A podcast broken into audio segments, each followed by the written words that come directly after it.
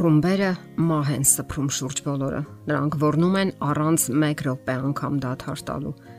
Երիտասարդ տղաները կուչ են եկել խրամատներում եւ պաշտպանվում են։ Ամեն հաջորդ վարքյանը կարող է ճակատագրական լինել նրանց համար։ Ինչի մասին են մտածում նրանք։ Աշակերտական նստարաններից 3 վեր կացած այդ համարյա երեխաները, երբ օթում մահվան ժանդ շնչառությունն է կանգնած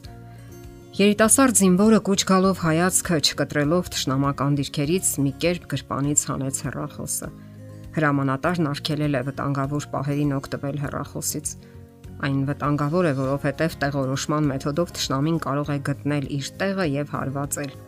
Նա զգուշորեն նայում է շուրջ բոլորը։ Ոչ ոք չի նկատում։ Զանգ։ Մայրիկ համարյա շշուկով ասում է նա։ Ինչպե՞ս եք։ Մենք այստեղ լավ ենք ապա հույս տվող մի քանի սուտ խոսքերից հետո ասում է. Ես սիրում եմ քեզ։ Հիշիր, ես քեզ շատ եմ սիրում։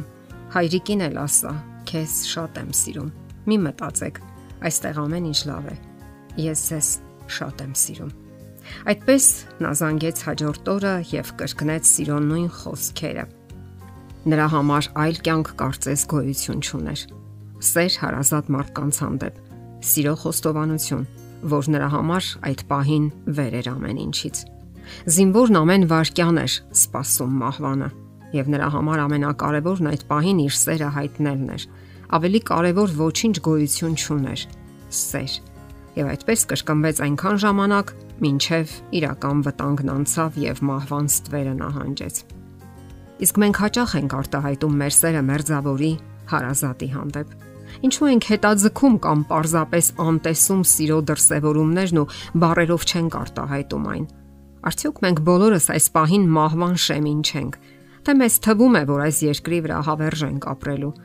եւ կարեւոր է անընդհատ դրսևորել ու արտահայտել այդ սերը ընտանիքի յուրաքանչյուր անդամի հանդեպ։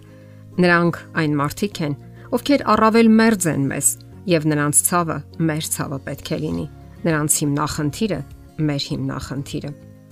Սիրել ընտանիքի անդամներին ու նվիրվել նրանց։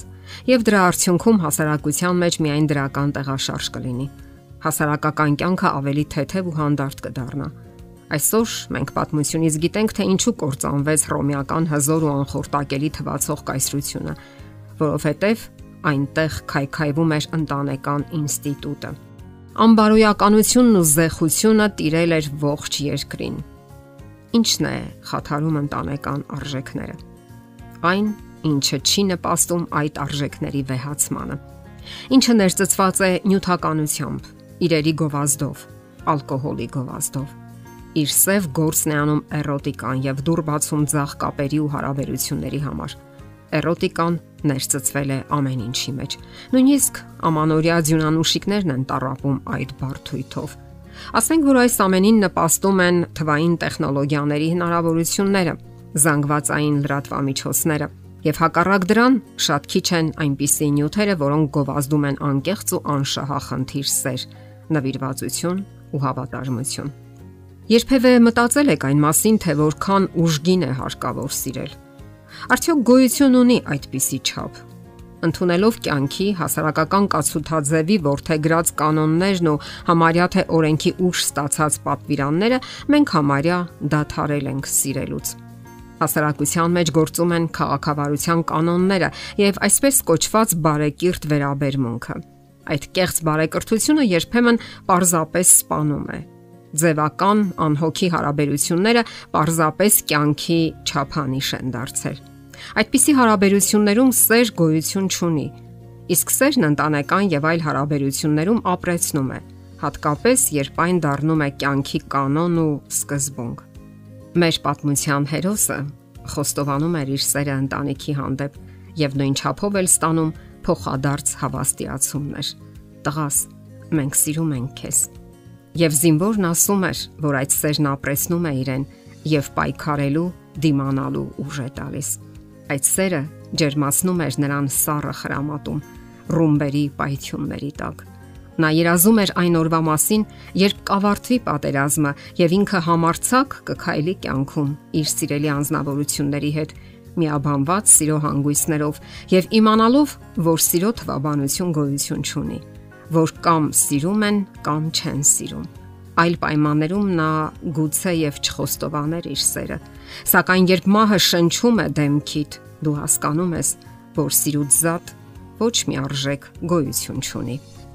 Հարկավոր է սիրել մարդկանց, Սիրել այնպես կարծես ցանկացած պահի կարող ես կորցնել նրանց, որովհետև մեր կյանքը լի է անակնկալներով։ Ցավոք մեր կողքին ապրում են մարդիկ, ովքեր պարզապես ամրակուր ամրոցներ ու պաշտպանական կառույցներ են կառուցել իրեն շուրջը եւ թույլ չեն տալիս որևէ մեկին ներխուժելու իրենց սրբության սրբոցը, իրենց սիրտը։ Նրանք իհարկե այդպես էլ չեն ճանաչում կյանքի շատ նուրբ զգացմունքներ ու պահեր Հարաբերություններում նրանք միշտ արթուն ու զգոն են, որpիսի հանկարծ չկորցնեն իրենց գլուխն ու ճափազանց շատ չկապվեն որևէ մեկին։ Ահա թե ինչու ամեն անգամ երբ նկատում եք, որ ինչ որ բան այն չէ ձեր հոգեկան աշխարհում եւ մարել է սերը կյանքի ու մարդկանց հարազատների ու մերձավորների հանդեպ, հիշեք խրամատում պարկած զինվորին։ Հիշեք նրա սիրո խոստովանությունը Չէ որ մենք բոլորս ենք հիմա պարկած կյանքի խրամատում եւ եթե ոչ ամեն վարքյան, ապա ամեն օր, ամեն տարի մենք սպասում ենք անխուսափելի մահվանը։